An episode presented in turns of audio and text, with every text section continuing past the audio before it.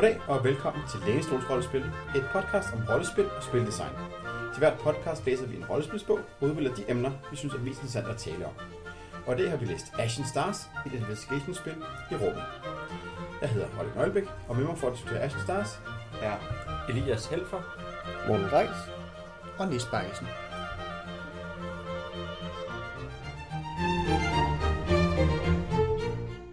Morten. Øh, vil du lige starte med at give os en detalje om øh, bogen Ashen Stars? Jo, det vil jeg gerne, Oliver. Um, Ashen Stars, som blev udgivet for en god chat år siden tilbage i 2011, er jo et, øh, hvad skal man sige, et efterforskningsrollespil baseret på det system, der hedder Gumshoe. Og Gumshoe så vi første gang, eller så dagens lys første gang tilbage i 2007, øh, hvor det blev udgivet til det rollespil, der hedder Esoterrorists. Og sidenhen er det regelsystem blevet anvendt i en stribe andre rollespil, øh, så, så sent som frem til 2017, hvor Time Watch, et øh, tidsrejserollespil, blev udgivet. Så fælles for de her øh, rollespil er, at de alle bruger de her sådan skumshow-regler. Og gumshow-reglerne øh, kalder sig selv et investigation-system, fordi det er ligesom det, det er designet til. Og det er det rollespilsystem, der er designet til at løse, kan man sige, et problem. Øhm, så binder tilbage til det rollespil, der Call of Cthulhu, som er et horror-rollespil, hvor man også efterforsker eller investigerer ting. Men uh, Call of Cthulhu har nogle strukturelle problemer omkring, at hvis man ruller skævt terningerne, kan man risikere ikke at finde ledtråd, så kan man ikke komme videre i historien, og så skal spillet lave en masse krumspring for at fremtvinge historien, øh, eller historiens gang. Og Gumshoe er designet til at løse det problem. Um, Ja. Ja. Tak for det. Uh, Elias, hvordan er bogen bygget op? Jamen, i Ashen Stars, der øh, er vi ude i rummet, og vi er i et helt bestemt univers, øh, som tager nogle elementer fra nogle ting, man kender, og så sætter dem sammen på en lidt ny måde. Det er sådan i det her univers, at der var en stor krig mod mohilarerne. Og øh, det, der så er lidt specielle, det er, at der er ikke nogen, der kan huske, hvad der skete i mohilarkrigene, bortset fra, at der var en hel masse steder, der fik tæv. Og det betød blandt andet, at The Combine, som slet, slet ikke er det samme som Rumføderationen, øh, begyndte lidt at falde fra hinanden, og den har så efterladt The Bleed, som er sådan en udkantsregion, lidt til sig selv. Og det vil sige, for at holde styr på tingene ude i The Bleed, har man så ansat de her lasere, som er freelance øh, efterforskere, freelance politifolk, sådan et rejseholdet style, der bliver tilkaldt, når der er et eller andet i vejen. Og så tager de ud og øh, efterforsker. Og det er dem, man spiller. Så der er en beskrivelse af, hvordan laver man sådan en laser, som er sådan en eller anden kompetent gut, der er en del af et crew, som tager ud og efterforsker ting. Der er nogle regler for rumskibskamp, der er regler for, hvordan man efterforsker, og så er der en beskrivelse af det her univers, og hvordan man laver nogle gode øh, planeter, som de her lasere kan komme ud og efterforske på. Tak. Det lyder spændende.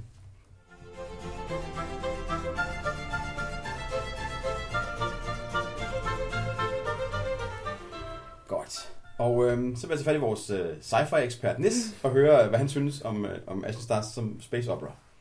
Ja, altså nu, jeg ved jo ikke, om jeg er mere sci-fi ekspert end så mange andre her ved bordet, men jeg har i hvert fald holdninger. Det er jo et godt sted at starte.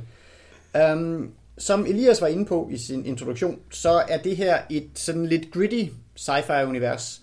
Um, øhm, det er de faktisk også, det er de meget opmærksomme på, når de taler om det i bogen. De, um, altså de siger det der med, Ashen Stars vil gerne være det der gritty remake af den serie, som du kender. Så hvad kan man sige, hvis den oprindelige serie, den handlede mod, der, var, der fungerede det her The Combine, den her federation, lidt bedre, og den havde lidt mere styr på sine ting, så er der nu kommet den her katastrofe, der gør, at de kan lave deres remake, um, og så kan de uh, få sat gang i det hele. Um, og det synes jeg, det er egentlig en fair nok præmis for Space Opera. Uh, men, um, men der, hvor den sådan, uh, hvad kan man sige, og grunden til, at de har gjort det her, det er, at sådan ud fra et rollespilsynspunkt, der har de tænkt, det er fint nok, at man i normal, øh, i en tv-serie for eksempel, har et militær crew og en, og en fin kommandostruktur og sådan noget. Men i en rollespilsgruppe kan det måske være et problem, hvis der er en, der er kaptajnen, og de andre er lieutenants, og så er der den ene, der ligesom synes, at de skal lave nogle ordre hele tiden og sådan nogle ting. Um, jeg vil sige, at jeg har så spillet ringdyrket Star Trek, for nu at tage en parallel, og det fungerer sådan set fint, hvis man har en rollespilsgruppe, og have rigtige kommandoveje. Det behøver ikke være et problem. Men det er fint nok at sige, at det er et problem, man gerne vil løse.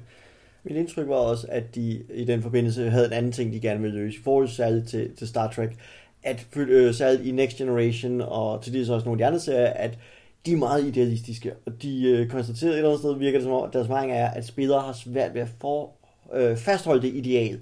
Og derfor, øh, hvad skal jeg sige, de, de skrider nemmere, og så er det lettere at designe et, et fiktionsunivers, der er tilpasset, at spillerne ikke kan opretholde spil efter det ideal. Ja, det er jo lidt skrevet ind som sådan hoved øh, dilemmaet i spillet. Det er jo idealerne mod, øh, mod sådan egoismen øh, i, i spiltårerne. Ja, det skriver de meget, meget eksplicit. Men jeg tror også, det er rigtigt. Altså, fornemmelsen er meget, og det skriver de også lidt, at det her det er designet til at sørge for, at spillerne ikke ødelægger, øh, altså, ødelægger strukturen i det. Og jeg synes på den måde er det på, en, på nogle måder meget sådan kynisk, realistisk spil, der siger, at ja, spillere kan nogle gange være, en, være nogle tosser, som ødelægger det hele. Men jeg synes også, det er lidt sådan, jeg synes, det er lidt ærgerligt, hvor meget tid de bruger på at sige, du skal også passe på, at dine spillere ikke ødelægger det hele. Øh, for det synes jeg, de bruger meget tid på. Og en af de ting, de så gør, det er jo så netop, de bygger en, det er rigtigt, de bygger en setting op om, at nu skal man også passe på, at man ikke opfører sig som nogle idioter, i stedet for at sige til spillerne, lad være med at opføre sig som nogle idioter. Øh, og, og det er selvfølgelig det, det er selvfølgelig noget med, at det er lavet til en helt anden spilkultur, end jeg i hvert fald synes, jeg er vant til. Ikke? Ja. Og det er så, der var jeg netop også synes, det er sjovt, fordi det er rigtigt nok, de siger de der ting, og, og vi, kan, vi kan også sagtens pege på Space Opera, hvor folk løber rundt og er sådan her, altså hvis vi, hvis man i stedet for at sammenligne med Star Trek, så sammenlignet med Firefly, eller sammenlignet med Farscape, eller sådan noget, så har vi jo set masser af de her grupper med sådan flok banditter, som øh, løber rundt og prøver at løse problemer lidt efter deres eget moralske for godt befinde. Så det fungerer jo fint, det er en udmærket præmis. Der, hvor jeg synes, at Ashen Stars begynder at, øh, at halte som space opera, det er, når de sig selv yderligere undergraver den her præmis. Fordi den, indehold, den her verden, det er jo en klassisk space opera verden, som, som jeg selv siger, den indeholder mange øh, genkendelige elementer, fordi det gør det nemt for spillerne at gå til, og, og igen i deres samtaler om, hvad, hvad spillere, hvad man skal tro på spillere, så har de også sådan en, folk vil i virkeligheden gerne kunne genkende flere, øh, de vil gerne have mindre originalitet, end de selv tror, de vil. Det, øh, det kan man så ikke indstille spørgsmål til. Anyway, det er en færdig præmis. Men så har de for eksempel, så har de deres ruminsekter, som man kan spille, som er de her kchik, som er de insektoide væsener, og, sådan noget. og det er jo en præmis, man kender og sådan nogle ting. Og, og de har så det her specielle problem med, at de kan godt lide at spise øh, andre sentience og sådan nogle ting. Og der ligger jo sådan set en, en, en fin nok historie, en dynamik, og det kan man godt genkende. Men når man så begynder, vi kommer tilbage til, hvad drives er, øh, senere når vi taler om systemet, men når man så begynder at komme til, at kernen af en person kan være, at de er på vej rundt for at smage på hele universet, så begynder det at blive sådan lidt komisk. Eller vi har deres rumdværge, som er de her Duruk, som tidligere, som i under Mohilar-krigene, så var de på Mohilarernes side, indtil de vendte sig mod dem. Og, øh, og sådan noget. Igen, det er sådan en fin øh, dynamik, og de har sådan lidt, de har sådan lidt sådan et øh, økonomiprincip kørende, som kunne få dem til at minde om sådan noget som Ferengier fra Star Trek eller sådan noget. Fint nok, dem kunne man godt tage på sig. Men så har de, får de lige den her detalje med, at for deres, det her universets svar på Universal Translator, det er sådan nogle vocoders, som alle folk har. Tilfældigvis, så alle Duruk vocoders, de giver dem sådan en mærkelig pibestemme. og det kan de ikke gøre noget ved. Og så sidder man bare og tænker, hvorfor skulle det lige med? Um, at, at der, hvad man siger, de vil gerne være det gritty take på, der, på deres sådan Star Trek-univers, og så undergraver de det med den her mærkelige ting, hvor man ikke rigtig kan finde ud af, hvad fanden er det egentlig, jeg skal spille? Altså, okay, jeg kunne finde ud af at have spillet Star Trek. Fair nok, det har sine, sine problemer med, hvem har kaptajn den på. Jeg kunne også godt finde ud af at spille Firefly, og så sige, nu tager vi den gong ho derud. Altså. Men jeg skal spille sådan noget slapstick Firefly i et Star Trek-univers, hvor jeg er...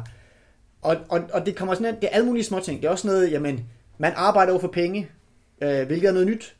De her penge hedder Big Crits, eller det man er hedder lasers, fordi de lige skulle finde på et mærkeligt akronym med, at man er law og, og, og ja, legal autonomous Bloody Blah, sådan så man kunne sige, at man hed laser.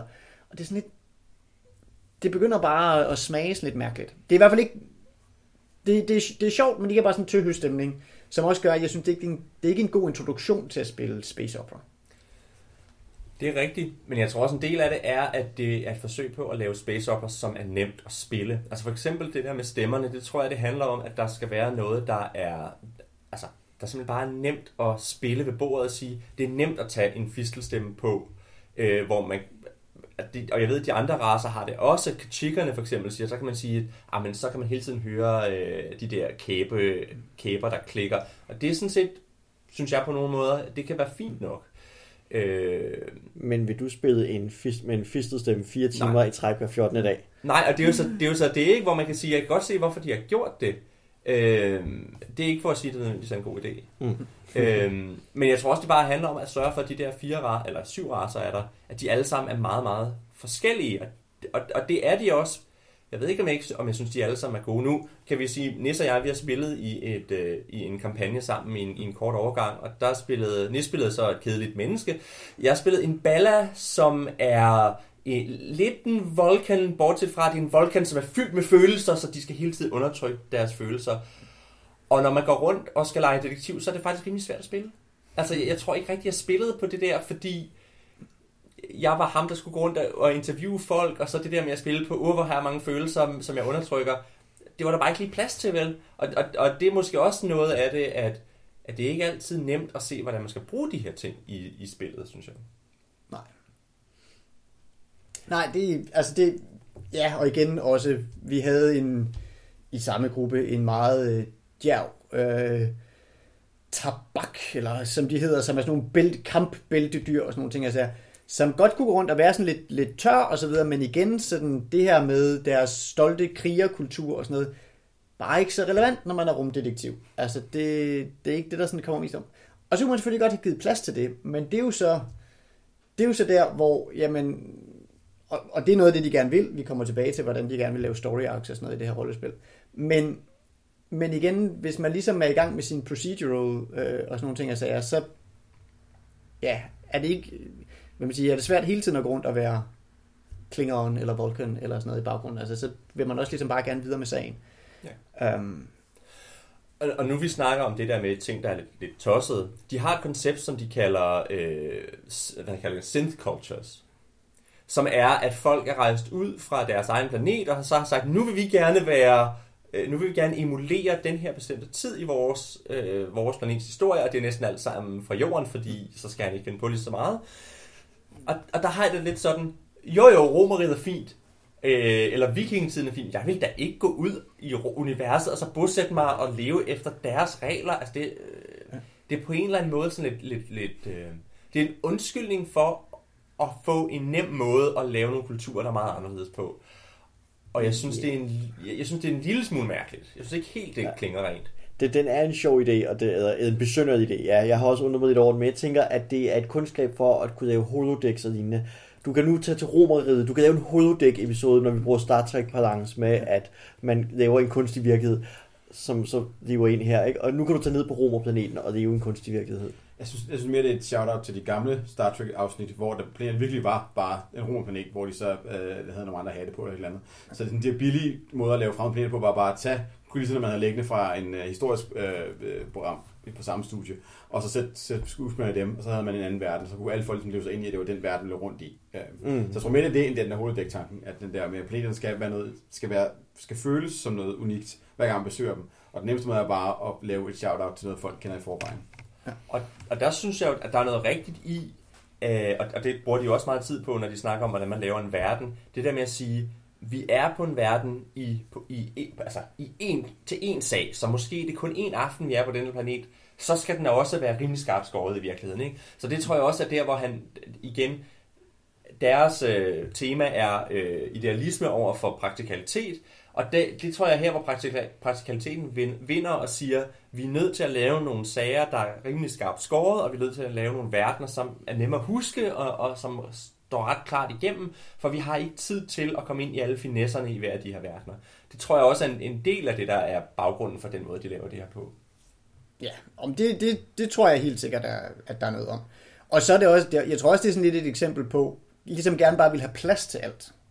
At det er tydeligvis, kan godt være, de har lavet den her setting, men, men det, det, er mere, det er mere en setting, som er en undskyldning for, at man kan hælde ting ind i den, end det er en setting, der har prøvet at koncentrere sig om en historie, den gerne vil fortælle. Eller sådan noget. Det er jo også meget sjovt, for eksempel med den der Mohila-krig, som er ligesom det store traume og den store forklaring osv., men som meget eksplicit er beskrevet som noget, man nærmest ikke kan undersøge. Hvis man prøver at slå det op i øh, databaserne, så ender man med at sidde nede i kantinen et par timer senere med hovedpine, fordi man kan bare... Ingen kan fatte det her. Alt er blevet slettet om det her. Altså, og det er sådan et, hvad man siger, det er sådan nærmest, nærmest en stedig insisteren på, at det her skal forblive et mysterie. Øhm, som de dog, men alligevel, de vil heller ikke være så stedige, så de helt vil afskære, at det her kan være et plot, man, man gerne vil undersøge. De vil bare, det eneste de siger, det er, at de har ikke tænkt sig, det er ikke et metaplot, der kommer fra deres side, hvor de kommer med forklaring lige om lidt.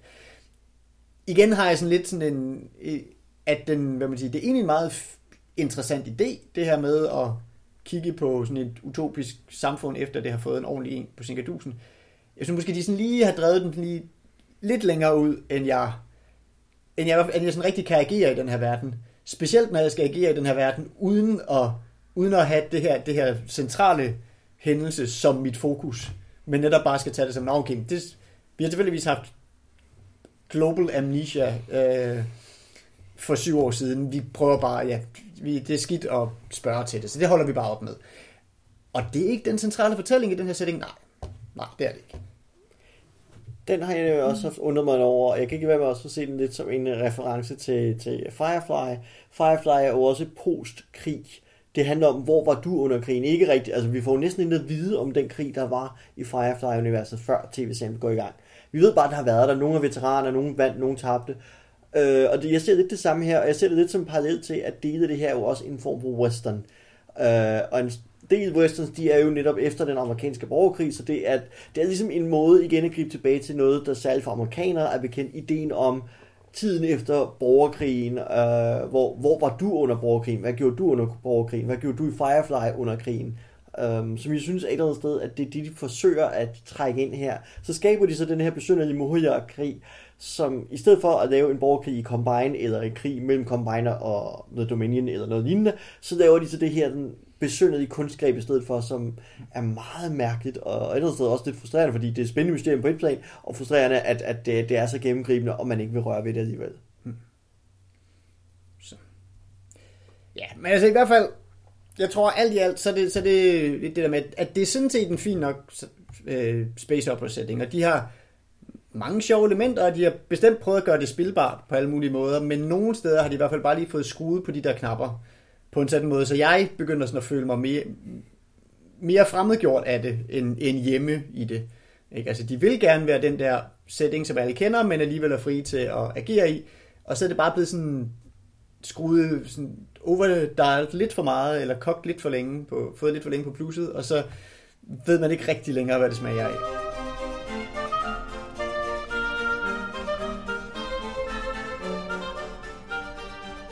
Og, øh, og Morten, hvad er det så for et uh, rollesystem, de har uh, pakket rundt om den her verden her? Godt. Det er Gumshoe-systemet, som jeg var kort ind på i starten. Helt basalt set, så er det som sagt dedikeret efterforskningssystem, jada, jada, jada. Og kernen er, at man, øh, vi har et task resolution system, hvor man, hvad skal jeg sige, man laver et skill check, når man gerne vil opnå noget, og man ruller selvfølgelig kun, når dramatisk relevant. Og det der så er kunskabet i det system her, er, at man deler alle skills op i to kategorier, øh, nemlig det, man ruller for, og det, man ikke ruller for. Fordi når man ruller i det system her, så tager man, man har får en, en sværhedsgrad, eller rettere, som forfatteren gerne vil have, det spilles, så fastsætter Game Master i al hemmelighed en sværhedsgrad, så ruller spilleren en terning, en, en helt almindelig seksidets terning, og prøver at opnå det resultat eller ej. Øh, inden man ruller, så hvis man har en relevant færdighed, atletik for eksempel, fordi man skal springe over en kløft, eller åbne dør, fordi jeg har en døråbningsfærdighed, så kan jeg spendere point fra, øh, fra færdigheden. Det vil sige, i andre rollespil, der har jeg en, en modifier, jeg har øh, klatre plus 3, ergo så ruller en terning, og lægger 3 til hver gang jeg klatrer. Det er sådan andre systemer fungerer. I Gumshoe-systemet, der siger jeg, så spenderer jeg et antal point fra puljen, øh, og stille roligt, så har jeg ikke nogen point tilbage i puljen, og kan ikke længere bruge færdigheden, indtil jeg har hvilet, eller historien er slut, og vi starter et nyt eventyr op, og alle mine puljer er fornyet igen. Så man ruller altså øh, sin terning, øh, har lagt nogle point oveni, håber på, at man når den nødvendige sværhedsgrad for at opnå succes. Og det er det sådan set skedesystemet, og det er det, der sådan bærer øh, Gumshoes en halvdel, de almindelige actions. Og så det, der ligesom er kunstgrebet, og det, der gør Gumshoe noget øh, helt særligt, er, at lige så snart det er et efterforskning, det vil sige, kan jeg finde sporet, det der i et Call of Cthulhu for eksempel være et library use, i Dungeons and Dragons vil være et search, eller et spot hidden, eller, et, eller noget andet form for få øje på ting, eller på anden vis find ledetråden, så kommer man simpelthen og siger, du har succes.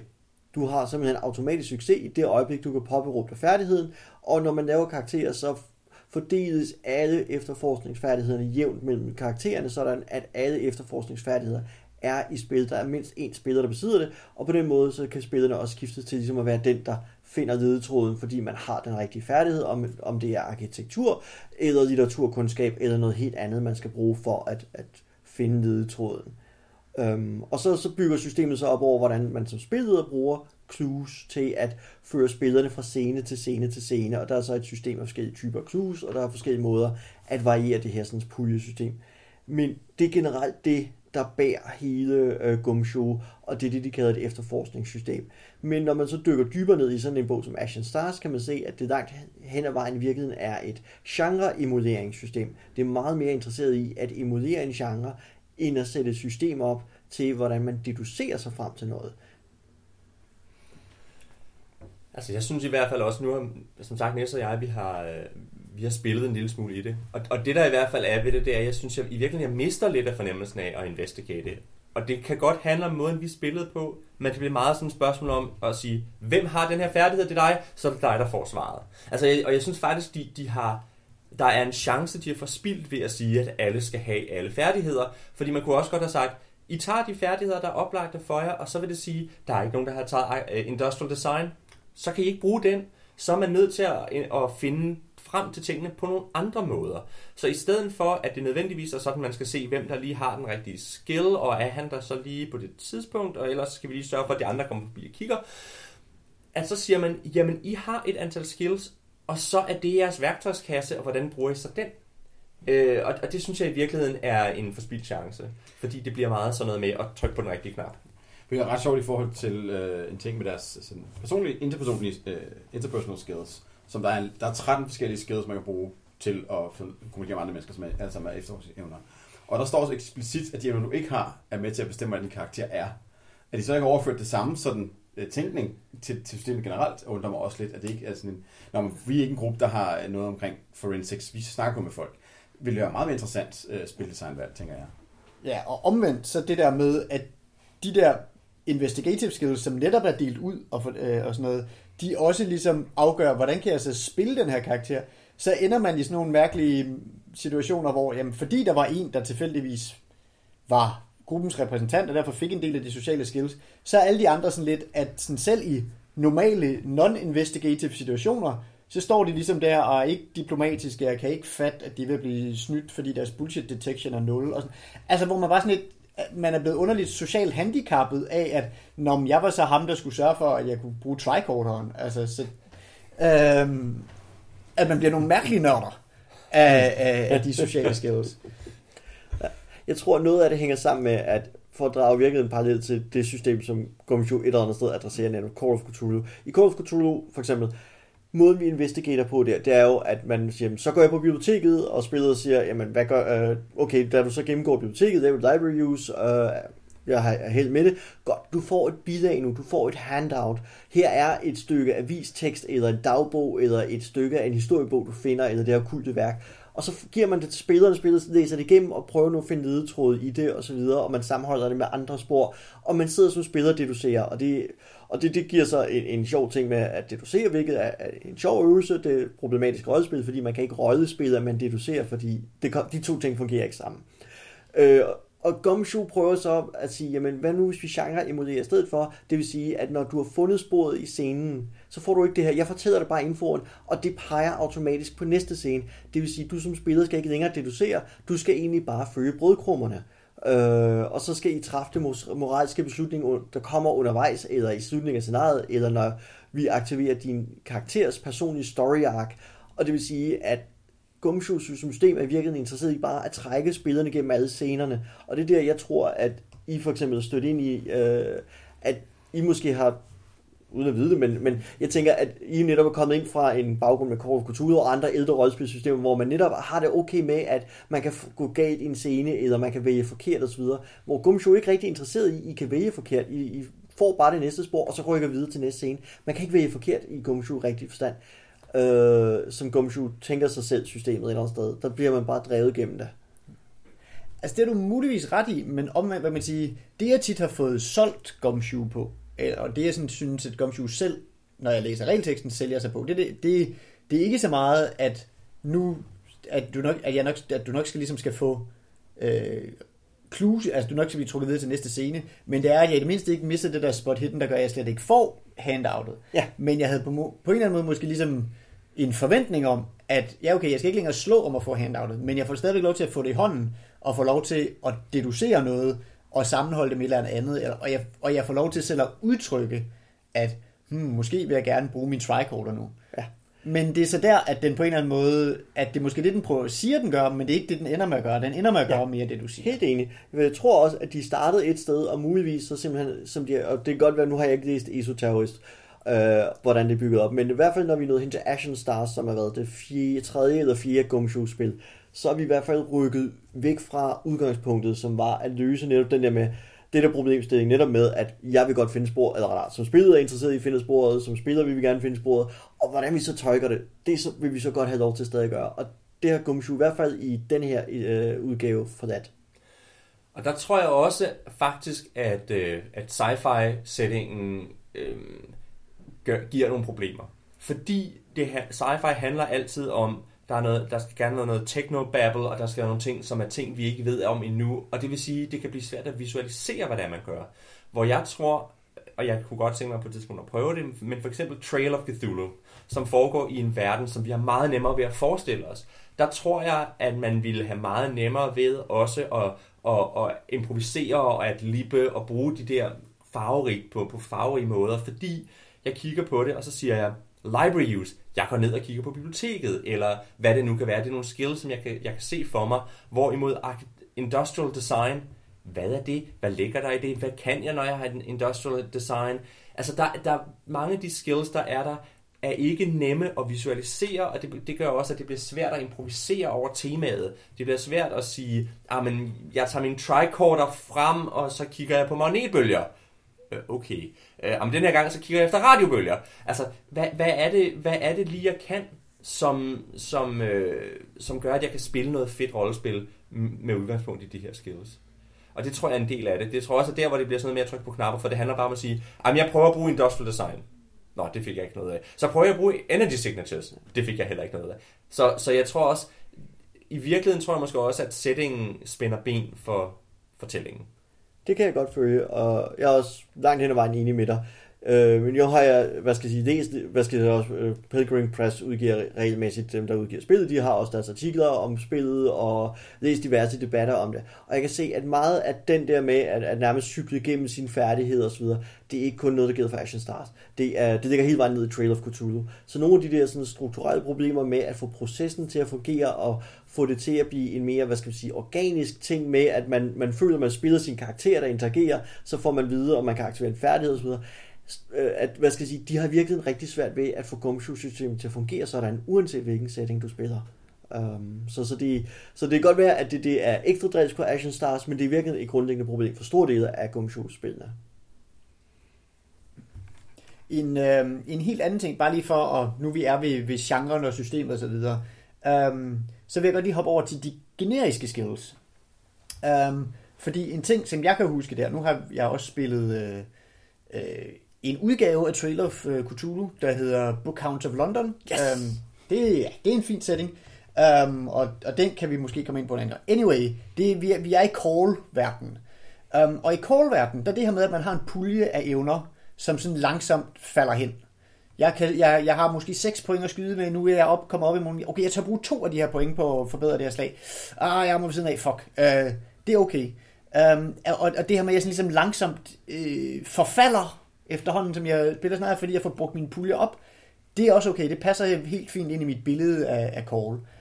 Det passer ikke skide godt ind i mit billede af et science, uh, af space opera helte. Um, øhm, og det er en mærkelig, og sådan rent rollespilsmæssigt er det også for mig, det er sådan en mærkelig øh, bog, bogholderiøvelse at finde ud af, hvor lang er den her session. Så når jeg nu er super god pilot, og jeg har 8 point at bruge af, tager jeg, hvor mange af dem tager jeg så at bruge? Fordi jeg er omvendt også ham, der skal flyve hele tiden, så... Altså, men man er ude i nogle mærkelige beregninger, hvor mere traditionelle systemer, hvor man bare har en modifier, det er nemmere ligesom at sige, okay, nu, jeg piloter den skulle bare igen. Så er det godt, at man slår dårligt, og derfor ikke er en så god pilot. Men man har ikke været ude i det der sådan, ah, hvad, hvad skal jeg bruge her? Ikke? Altså, øhm, at det synes jeg bare er en, er en spøjs ting, at der rammer deres system sgu ikke genren særlig godt. Og der synes jeg i virkeligheden også, at øh, jeg synes i virkeligheden, at man på nogen måde har for mange point. Det var i hvert fald, synes jeg, var vores erfaring. Især fordi hvis, i de der investigative skill, der kan man så også spendere, det har vi vist ikke rigtig været inde på, men der kan man også spendere for at få en fordel.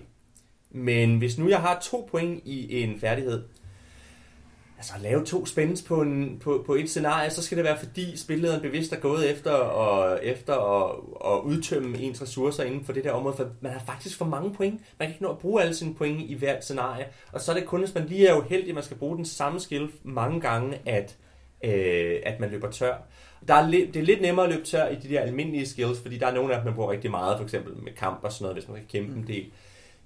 Men jeg synes faktisk, jeg synes aldrig, jeg havde fornemmelsen af, at jeg tog nogle strategiske valg om, hvornår jeg ville spendere de der point. Det var bare et spørgsmål om, hvis jeg kunne spendere, så gjorde jeg det, og hvis jeg så var lidt tør, så var det bare ærgerligt, fordi det var, så, det var sort uheld. Ikke? Det var i hvert fald lidt min fornemmelse.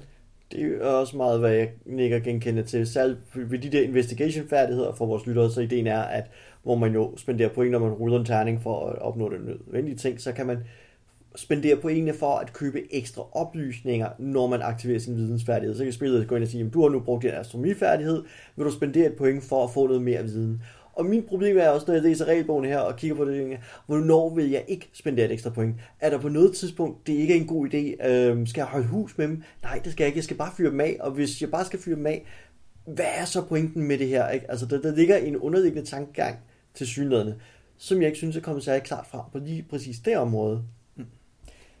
Nej, de får i hvert fald ikke demonstreret, heller ikke i deres eksempelscenarie, sådan noget, hvornår det kunne være relevant. Så er der noget andet, og, og, og det tænker jeg ikke, vi skal bruge så meget tid på, men det er jo space opera, så der skal selvfølgelig også være noget rumkamp.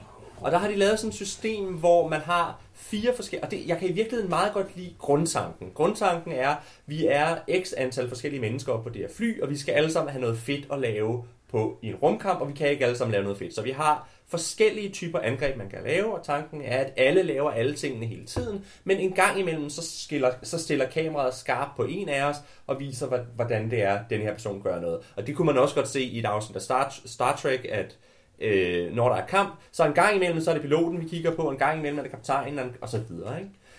Men det de så har gjort, det er, at man har de her fire, man kan, man kan bruge. Man har noget med at skyde, man har noget med at memorere, man har noget med at lave øh, øh, sådan fikse taktikker. Det er så kaptajnen eller Stratcone, der gør det. Og så kan man jamme de andres computer og prøve at hacke dem.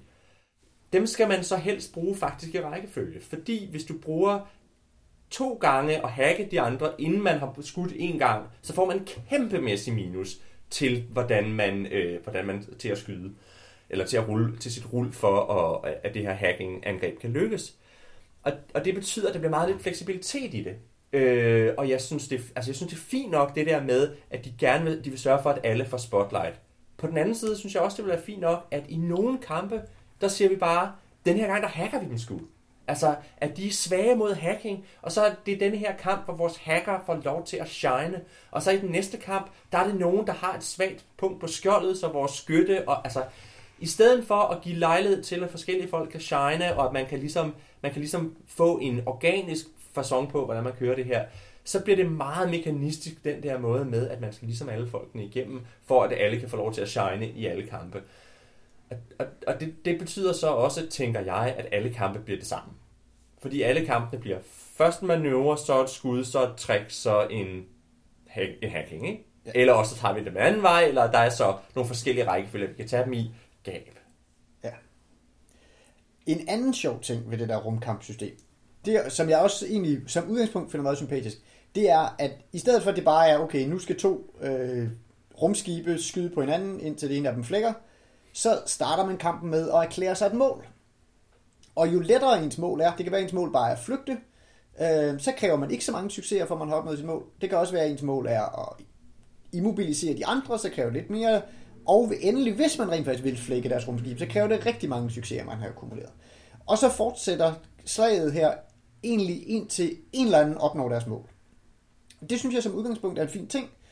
Um, og det synes jeg kunne være fint i mange andre systemer, sådan ligesom at kunne starte en kamp med at sige, okay, målet her er ikke, at de andre ligger blødende øh, på, på gulvet, men nu har vi ligesom et andet mål, og vi stopper, når vi er nået dertil.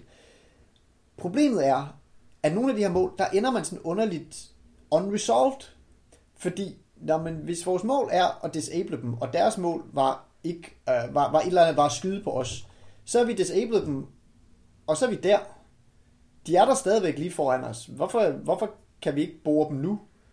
Altså, vi valgte ikke at gå efter målet med at bore dem, fordi det var endnu sværere, det turde vi ikke gøre, men nu er de jo disabled. Så at man ender i sådan nogle mærkelige historiemæssige sådan blindgyder, øh, hvor man lige skal finde ud af, hvad der så sker. Hvis, hvis det at nå et mål ikke rent faktisk også er en naturlig afslutning på fortællingen om den her kamp. Så det, ja, det ved jeg ikke, det synes jeg bare lige skulle med også, at, øh, at igen havde de en meget fin idé, men det er som om den bare så ligesom halter lidt i sin, i sin endelige udformning.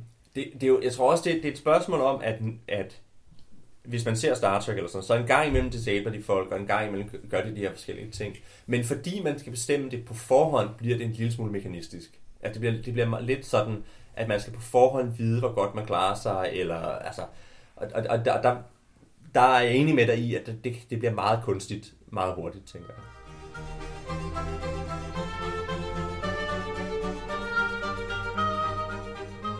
Og øh, Elias, nu har vi ligesom øh, fået en setting, og vi har fået noget, noget mekanik, der ligger ned under den her. Hvordan øh, binder, binder Ashen Stars det hele sammen til nogle fortællinger?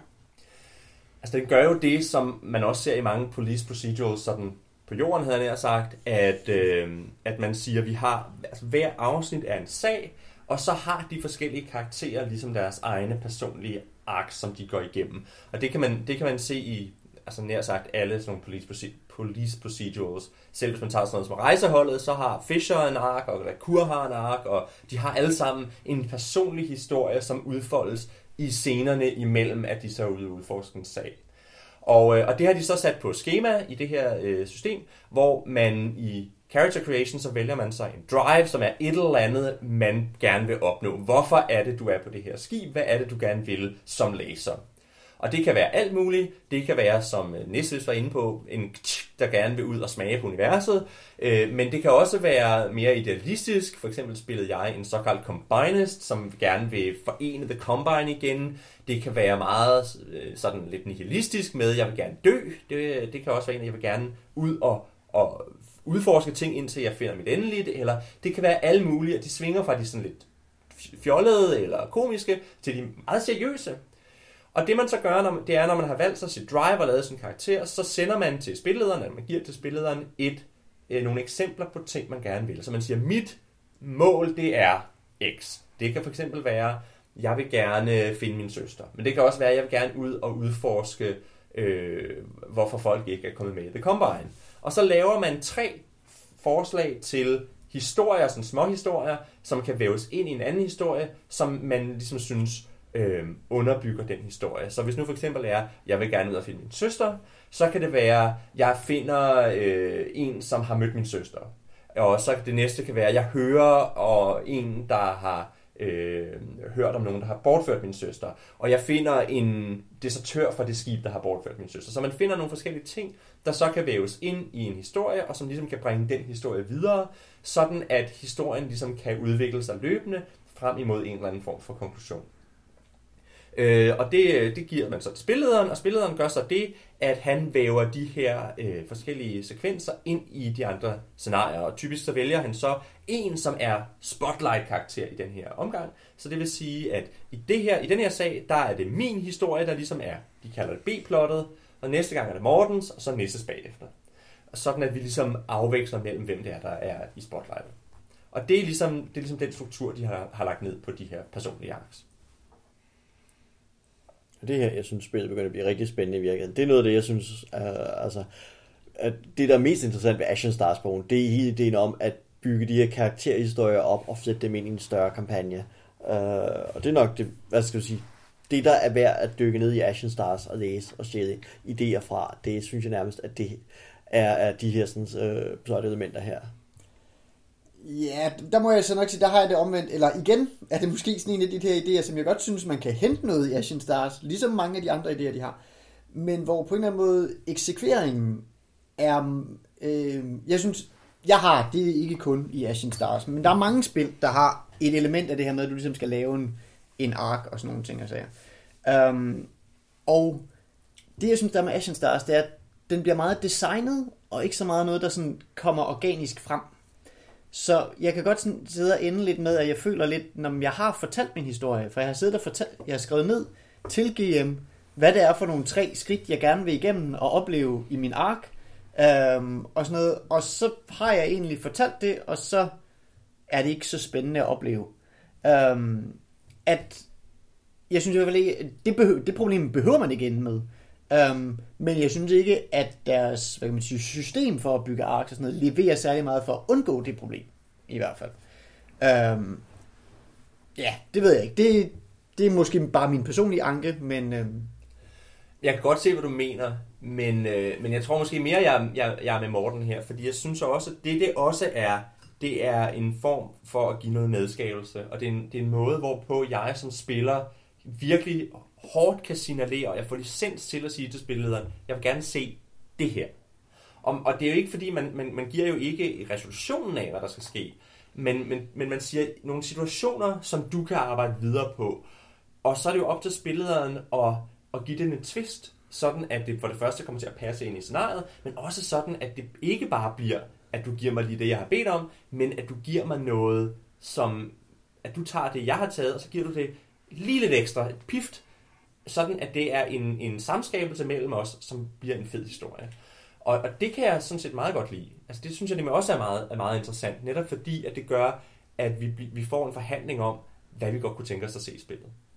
Jeg synes, øh, sådan, til modsætning fra det originale sådan story arc spil, øh, Prime Adventures, hvor det hele er meget story now, vi improviserer det løbende. Så det her er, er et scriptet spil fra starten af. Altså spillet der står og har lavet et mysterie hver gang, større eller mindre grad. Ikke? Så det giver rigtig fin mening, at man ligesom har elementerne klar at kåbe ind i, og den måde, de bliver kogt ind i, er det, der er spændende. Så det ikke nødvendigvis er, hvad det er for skridt, der sker, men hvordan er det bundet sammen med, hvordan bliver det bundet ind. Det kan jeg godt se, at det øh, kan fungere udmærket. Ja. Jeg tror også, at noget af det, der så er vigtigt med netop, øh, særligt med den anke, som Nisse har, som, som er rimelig væsentlig, fordi det er nemt at komme til at skrive og sige, så har jeg spillet det her. Det er, at man for eksempel som spiller, så aftvinger spilleren øh, nogle svære valg, ikke? Altså stiller et, øh, hvad skal jeg sige, i jagten på, på den forsvundne søster, at man så vil være spillet, og så sætter nogle moralske dilemmaer op hver gang, så spilleren ligesom nødt til at sige, okay, men hvad er det så for en pris, jeg betaler? Hvad er det for nogle dyrkøbte valg, jeg træffer? når jeg går historien igennem for at finde min søster, fordi så er det der, det spændende ligger. Det ligger ikke i, om hun bliver fundet eller ej, fordi det er det en tv-serie, hun skal åbenbart nok blive fundet, eller også så bliver hun skrevet ind i næste sæson, eller hvad nu det er at gøre. Men, men så bliver det op til spillet netop at sørge for at gribe fat og lægge nogle moralske dilemmaer ind. Og det er også lidt det, jeg tror, at den nogle steder jo netop, når den kommer ind på at sige, at der er noget tematik i det her spil omkring orden versus kaos, øh, combine versus speed og sådan nogle ting som vi skal, som skal drive spillet, og det er også ligesom det, der skal ind, når man kommer med de her sådan, øh, personlige historier, eller karakterpersonlige historier, for sætte ind, altså spillets opgave, at, at stille, tvinge nogle svære valg til spilleren. Og så synes jeg også, det er også på, på mange måder synes jeg også, det er en hjælp til spillederen, fordi det er også, hvis man sidder som spilleder og tænker, jeg har ikke lige en god idé til, hvad vi skal spille, så kan man altid kaste sit blik ned på øh, et karakterark og sige, Ah, men Nis kunne godt tænke sig at møde en af de pirater, der har bortført hans søster. Jamen, så laver vi en sag, hvor ham, ham her, han er blevet slået ned. Så han ligger i koma, og hvad kan vi så gøre? Altså, og, så bygger vi en sag op om rundt om en af vores story arcs. Så vi har også fodret spillere med historieseeds, sådan at det ikke er spillere, der har alt ansvaret for, at der er nogle fede historier, men det har vi alle sammen et ansvar for. Det kan jeg, det kan jeg synes meget godt lide. Og det er der, hvor jeg synes, det, det, det tangerer lidt til at være en måde at prøve at lære nogle trad-spillere at spille story games. Ikke? Fordi der er, der er det der med at sige, det vigtige er ikke simulere, men det vigtige er, at vi fortæller en historie sammen.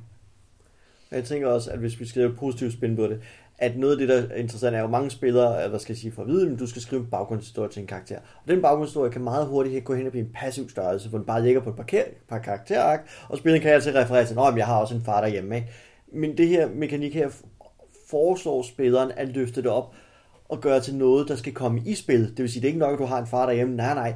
Der skal være nogle plotpunkter med ham, så den her far-karakter, den forsvundne søster, kommer tilbage i spillet. Så, så det er også, hvad skal jeg sige, en måde, som at sige, skal vi prøve at løfte din baggrundshistorie, du, den her fine baggrundshistorie, du har skrevet til din karakter, skal vi løfte den frem og faktisk prøve at få den ind i spillet. Uh, I hvert fald som positivt spænd på, uh, på det her. Nå, men altså, forstå mig ret. Det er heller ikke, fordi jeg synes, at det er skidt, at ens karakter er engageret i den, i den store historie og så videre. Det, er, det er jo mere bare det her med, at, at jeg bare føler, at det, det her med at lave en, og, og beskrive en ark, kan godt nogle gange sådan lidt være det, det første skridt, og nogle gange noget, hvor man sådan lidt altså får, får skrevet lidt for meget, i stedet for sådan, nogle andre story games, der, sådan, hvad man siger, der påtvinger dig netop de her valg, ikke? eller, eller hvis beskrivelsen bare havde været, dine, det, det skal ikke være tre steps i din ark, det skal være de tre store valg i din ark. Ikke? Altså, at det, det er måske også den måde, de bare fik formidlet det lidt i Ashen Stars, at jeg, at jeg sidder, føler, at jeg halter lidt. Men, men der tror jeg, og, og, og, og det kan jeg mærke nogle gange i, i nogle story games, det der med, at man skal sidde på forhånd og ligesom at vælge, hvad er de store skridt i min ark, det, det kan godt blive meget kunstigt. Og det her er jo, og det er meget, jeg synes det er meget eksplicit sagt, det er ikke de tre store ark. Det er tre ting, der kunne ske, og når de tre ting så er sket, så kan vi skrive nogle nye, indtil vi når frem til konklusionen. Så det her det er i virkeligheden mere første akt af min historie, som jeg skriver i de første tre. Og så ser vi, hvor vi er, og så skriver jeg tre nye. Sådan at man, man løbende supplerer op, når de, er, når de er sket, og når man ser, hvordan det udvikler sig. Og det kan jeg for så vidt også meget godt lide, det der med, at det bliver, en, det bliver også en dialog på den måde, at når spillederen så har budt ind med noget, så svarer jeg igen ved at opdatere min ark.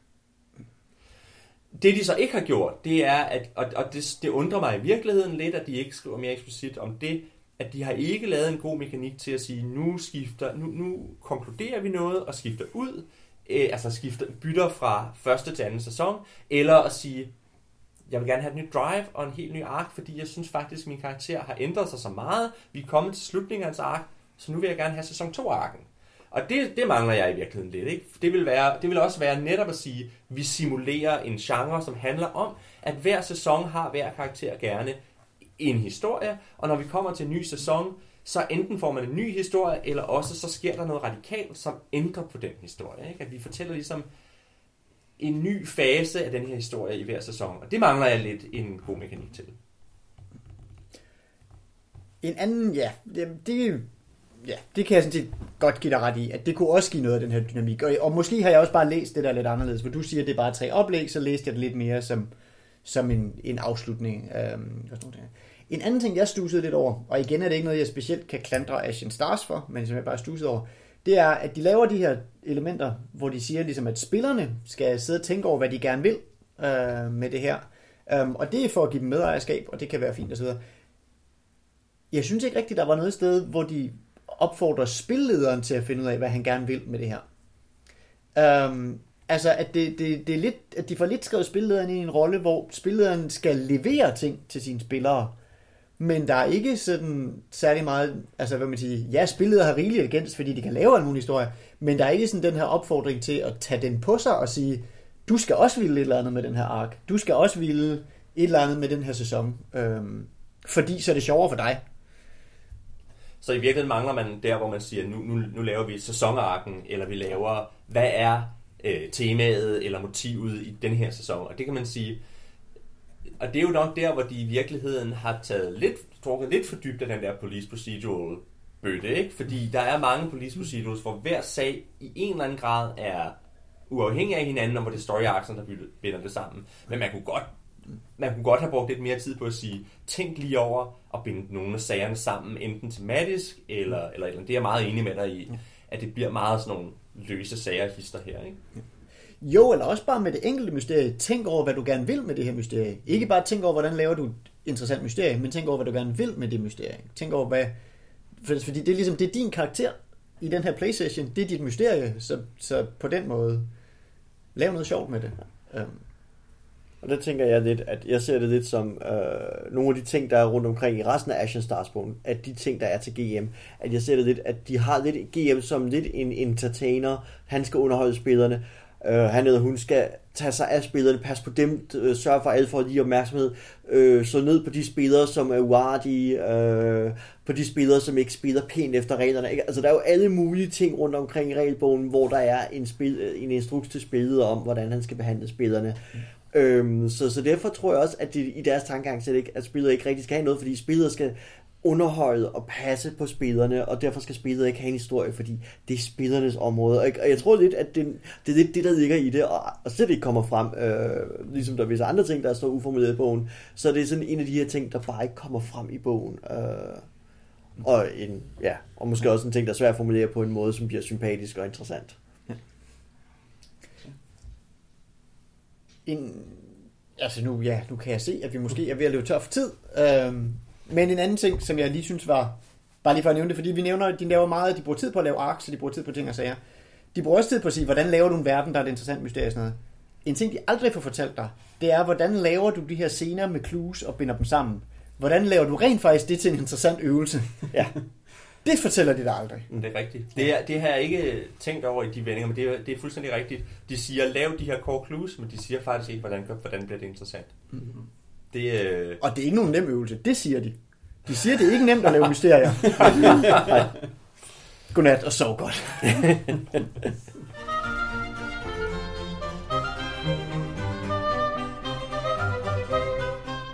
det var øh, vores øh, store tanker om, øh, om Ashen Stars. Øh, har I nogle, øh, nogle sidste ting, I lige vil sige nævnt om spillet? ja, ja, det er et spil, der gør mig utrolig frustreret på nogle punkter, fordi jeg synes, ideen om det er pissefed. Og jeg, jeg kan også mærke, når jeg læser det, så sidder jeg og tænker, ej, jeg, jeg, jeg vil sgu gerne spille det noget mere. Og så kommer jeg i tanke om, hvordan det faktisk var at spille det, og så tænker jeg, men, men, men det er jo ikke det, jeg vil. Altså, jeg synes, jeg synes, ideen om de her lasers er rigtig fed. Og der er mange af de ting, de lægger ud, som virker rigtig fede. Jeg, jeg tror bare ikke helt, det lever op til det, det lover. Og det, øh, det synes jeg er, er udfordringen ved det.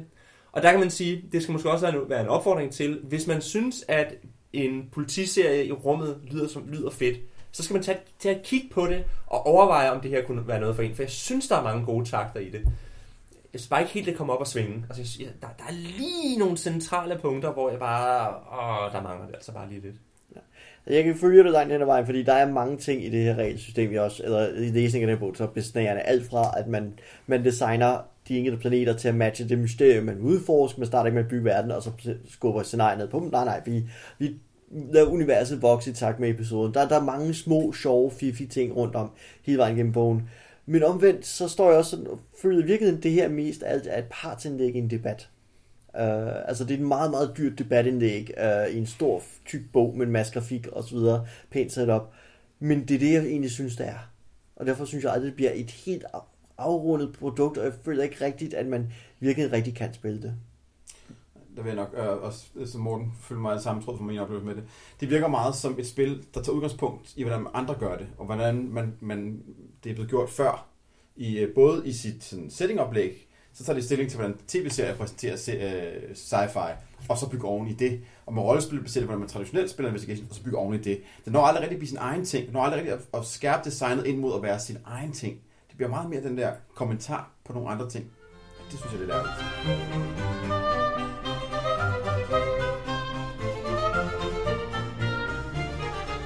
Og det var så alt for denne gang. Hvis du vil kommentere på dagens afsnit, eller du bare gerne vil sige hej til os, kan du finde os på vores hjemmeside, læstusrollespil.dk, eller på Facebook.